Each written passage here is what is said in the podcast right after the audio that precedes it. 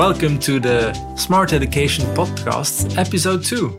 Today we have uh, Zvika Greenbaum from Israel here with us. Welcome, uh, Zvika. Thank you. Thank you very much. You just My- arrived.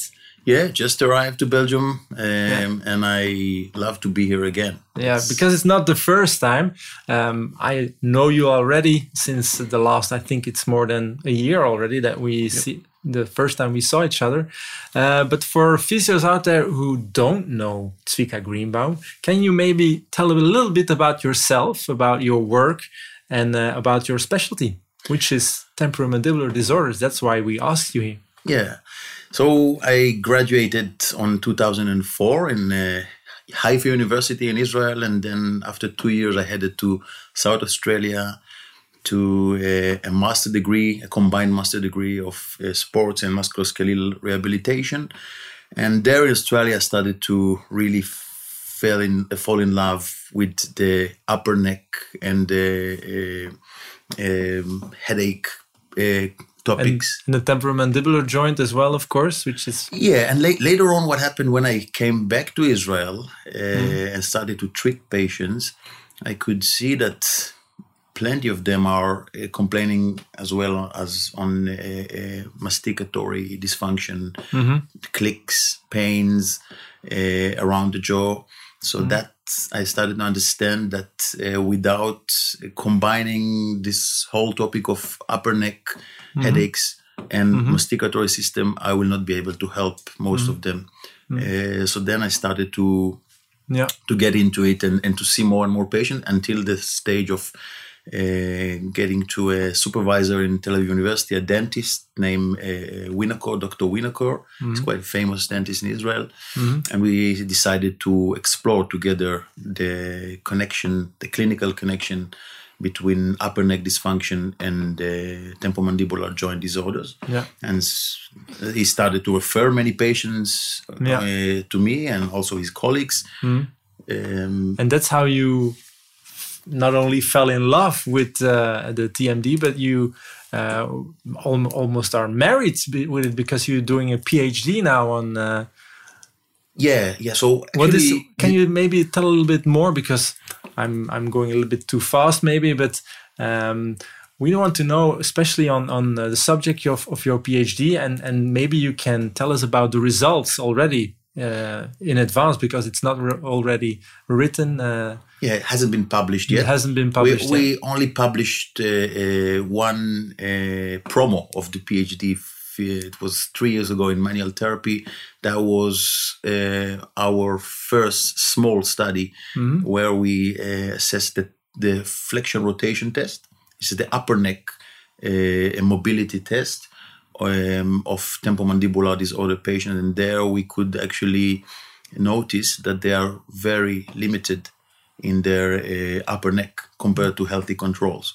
That, wa- that was our first uh, study, um, and it was kind of a preliminary study for the PhD. And then we decided uh, that we actually want to characterize the uh, neck uh, performance and pain parameters of temporomandibular disorder patients. Temporomandibular disorder patients are uh, quite wide because we they're not only they have no not only one diagnosis they have three main diagnoses. So one is the pain related temporomandibular disorder which is mainly muscular problem. The second one is a disc displacement problem so it's an intraarticular disorder we have a few of them four of them which I will not tell you right now about all of them. And the third one is the degenerative joint disorder. So that's the the, the that's the temporomandibular disorder patients that are uh, you, you can actually categorize them categorize them into three three main, categories. main categories, The main category that you will see in clinic is the pain-related uh, TMD. So Mm-hmm. the patient that complains on pain is mainly muscular uh, disorder. Um, so myofascial yeah, related it's, pain. it's a lot about stress, clenching, uh, grinding the teeth, um, and it's very much related to upper neck disorders. So actually, in the in the study, we found a prevalence of up to thirty percent of these patients have a comorbidity of cervicogenic headache. Mm-hmm. Cervicogenic headache is quite, it's not very rare diagnosis, but only 4% of the overall population can be diagnosed with cervicogenic headache. If you go to the temporomandibular disorder patients for the pain related uh, population, you will find up to 40%. percent mm-hmm. So that's very high. Mm-hmm. So that tells me as a therapist that almost every second patient with TMD may have cervicogenic headache as well. If we don't understand it and if we don't assess it and if we misdiagnose it, we may not be able to help this patient because until we start treating their neck, they may still having pain in their face that is related to the neck. Because the classical pattern of uh, uh, of uh, pain for cervicogenic headache patients is a facial pain and not a headache. Headache. Yeah. Uh, so it's really it's associated. It goes it goes together. So that's one of the main findings uh, of the PhD project. Yeah, really interesting. And I think you uh, go into that on the courses you do here in Belgium on the TMD, um, which are actually very successful. There's a lot of interest on that topic, um, which is good because then we get to see you even more. Um, maybe you can tell us a little bit about the course outline that you um, uh, made for this course. Uh, you have uh, uh, different aspects that you touch on. Um, and uh, subsequently, maybe you can tell something about, in your experience, um, if you do a course like this, um, what is your thoughts about the uh, quality of the physios that you are teaching? For, example, here in Belgium, and what do you think is lacking um, uh, of knowledge for them to to fail sometimes rehab? Where are the pitfalls for uh, for physios when treating uh, temporomandibular disorders? Maybe that's three or four questions in one sentence. Yeah, but I'll, I'll, still, I'll, I'll, I'll do my let's best. try. Uh, The, Let's the try. outline is we were starting from background, we're starting from uh, pathophysiology, epidemiology in the first day, and then we are uh, moving on to uh, correct, uh, categorizing the TMD patients, so how to diagnose them, uh, evidence based, Mm. We course talked about that just before. just Yeah. before. So we're actually trying to to uh, decide the patient in front of me is suffering from pain-related TMD, intra-articular TMD, or degenerative joint disease. After we understand that, then we can ask ourselves another important question: How is the neck involved in this presentation? Because mm-hmm. many times, as I said before, it will be involved. So that's another question. First of all, what kind of TMD, and then plus or minus an upper neck disorder. Mm-hmm. And then we are quite ready to start treating the patient after we understood that. Mm-hmm. Uh, of course, another question is if there is a cervicogenic headache or not. So upper neck disorder is not always going with typical cervicogenic headache, but if it does, then we need to treat the cervicogenic headache. And then we start to- in the course, we start to uh, develop uh, uh, and practice with the approach, with the clinical approach of treating pain related TMD patients, which is mainly finding their uh, contributing factors. It's very important because it's not only treating the jaw when they have pain, is about their habits, the masticatory habits, Yeah. the posture, their physical activity, the stress level, their their sleeping quality. This is a very wide kind of uh, Approach. uh, approach. Whereas the intra-articular patient is more mechanical. So intra-articular is something wrong mechanically inside their jaw, inside their, their joint. So we need to understand what exactly is wrong there. And then we need to manage it right without creating too much inflammation, for example, in specific stages. So it's, it's different. Of course, we look uh, with them as well on contributing factors, but not as much as pain-related TMD. So it's for me, it's a different kind of, of management. Whereas the degenerative joint patients, they are usually older, and usually it's a it's gradual onset, and we treat them. Always, I give this example, the same like we treat a, a OA of the hip, for example. So we think about improving range of motion gradually, and then activating the joint and uh, preventing deterioration of muscular uh, activity and it's a long term so it's a, it's a kind of a marathon we are trying to manage them for the in, in, in the long term Yeah, yeah. so it's, it's a three different approaches that we develop uh, but we cannot approach it until we understand or until we have the assessment of what they are uh, having or what what is their main problem. Sometimes they will have a combined problem, and then it's not very simple. And then we need to decide which of their problems we want to approach first. For example, if you have an intra-articular problem, but also a pain-related TMD, I would start with the pain-related component. And then when you have less pain, you suffer less, maybe then we can approach your intra-articular problem with exercise, with manual therapy, with uh, uh, maybe with uh, some uh, oral appliance that the dentist will prescribe. Yeah.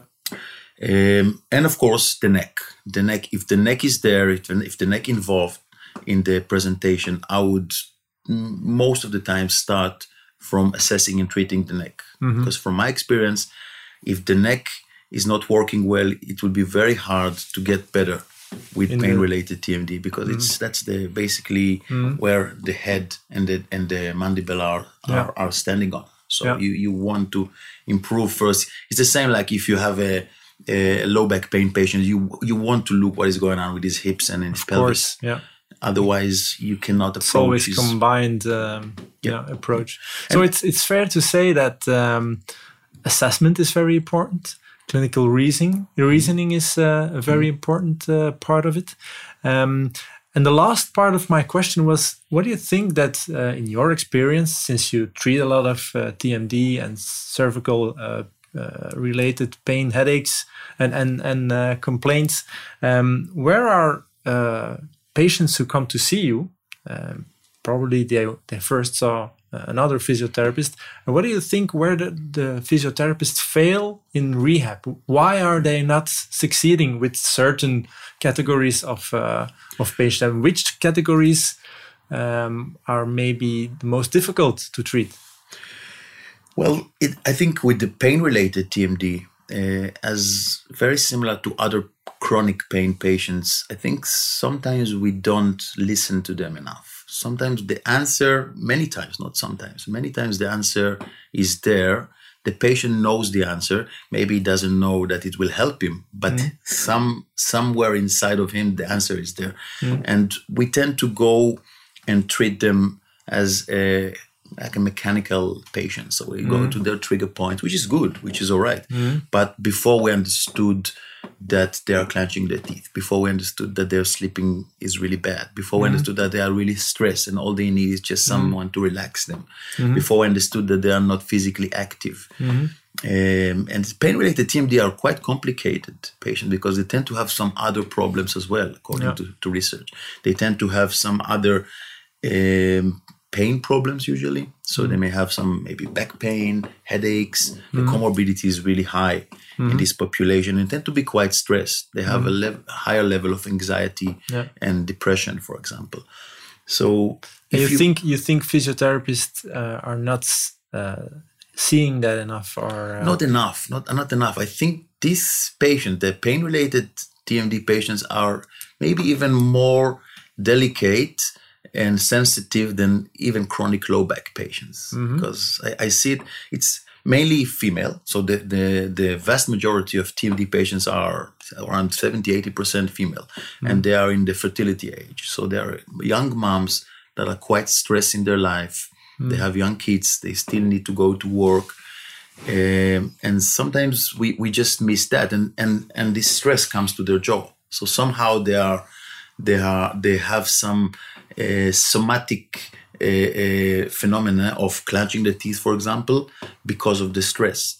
Of course we're not psychologists but we can teach them some techniques to uh, first of all we can uh, demonstrate them that that's the problem. Sometimes they don't understand that they're clenching the teeth.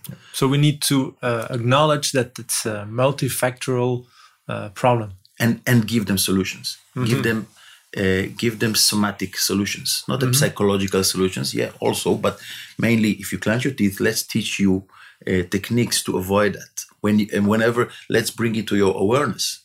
And then you may avoid it and then you may see that you have less pain and then you may be more relaxed you feel more in control and then the problem is not very bad as it was before.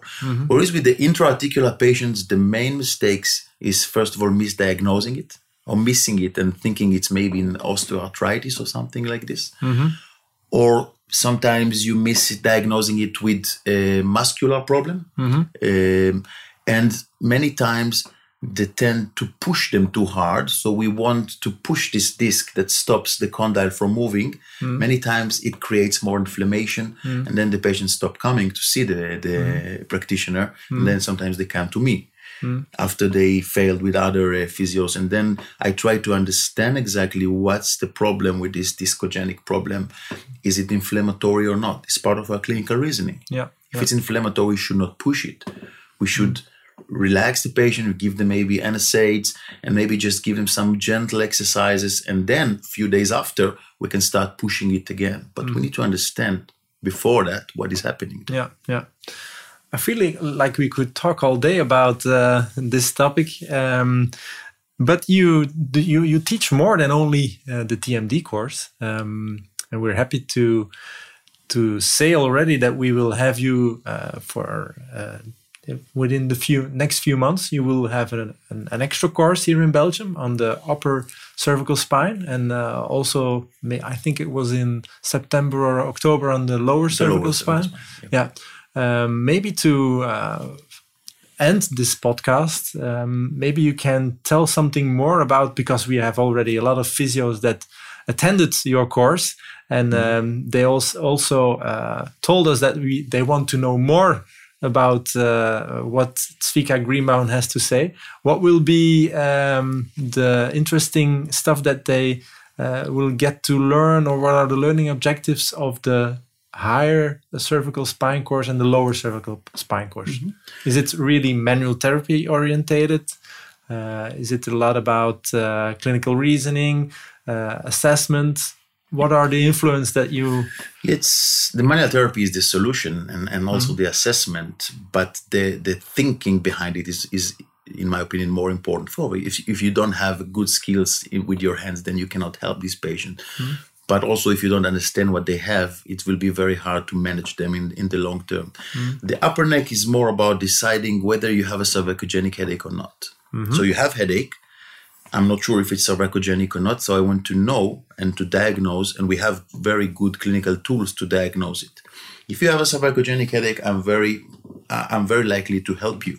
Mm-hmm. If you have a migraine or tension type headache, I'm likely to help totally you, but not not so not so much. Maybe just a little bit, but I'm not likely to solve your problem. If you have a combination of cervicogenic headache and tension type headache, maybe I can help you with one one component of it, and then maybe the other will get better as well. So the main question is whether you have or not cervicogenic headache, and then the prognosis will be based on that. Um, and then if you have a cervicogenic headache, the second question would be which segment is responsible to that, or maybe more muscular problem. So we want to see to assess the segments, the upper three segments. So we have clinical tools to assess each one of them, and then we have some very good clinical tools to assess uh, the muscles that can be involved. Also, dysfunction of the muscles, like the deep neck flexors, for example, we Yeah. can assess them. Yeah.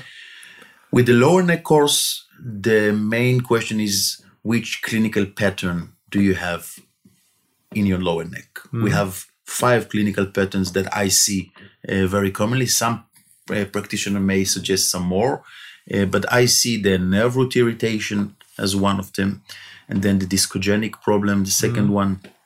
The facet joint irritation would be the third one. The, the thoracic outlet syndrome will be the fourth one, and the myofascial pain will be the fifth one. So we want to diagnose, and uh, of course, there are also combinations. Yeah. So may, you may have a thoracic outlet syndrome with some myofascial pain. It's not always the one or the other. Yeah, but I believe that to understand it, first of all, you need to learn it as if it was divided into mm-hmm. five, as if you have, was isolated, mm-hmm. and then when you see combinations, you start to understand it better. So I, I, mm-hmm. I for my teaching experience, it works very well in Israel and also around the world. uh, this kind of approach. So lower neck is clinical patterns. Upper neck is cervicogenic, yes or not, and then which segment and which muscles are, are responsible. That would be the basically the highlight of these two courses. And uh, also, um, the manual therapy then will be based on that. If you have C1 and 2 segment uh, dysfunction, then we will approach the manual therapy. We will direct it to this segment. Uh, if you have a T- thoracic outlet syndrome, we will direct the manual therapy to the scalene triangle, to your breathing pattern, and so on. And then it's more likely to help the patient. Yeah. Let's meet for another podcast and uh, touching some uh, more on that. Um, so it was a pleasure uh, speaking with you and having you on this podcast. It Uh, was a pleasure to me as well. It's always a pleasure for, for me to come to Belgium and, and to see the physios. I think the physios in Belgium are excellent. I think that uh, the manual skills are very good, and the jaw is just another part of the of the body. That's what. And, and if you are a good manual therapist, you will be very likely to approach this region as well. Without don't forget to mention the beer, of course. oh, the beer is is beyond everything. That's it. Okay. Um, so that's a wrap for today. Um, we hope to um, invite our listeners to one of your courses. If they are interested in uh, more of you, they can find maybe some more on your on your website. Um, uh, in the near future, they will uh, get to see uh, the results of your PhD. Uh, so many, much more things to come. Um, And maybe now it's time to to have a beer, not in the Yeah, In the bar? Let's, let's go for a beer. Yeah. that's it's about time. Okay. Thank you very much, Zvika. Thank you. See you next time. Goodbye. Bye.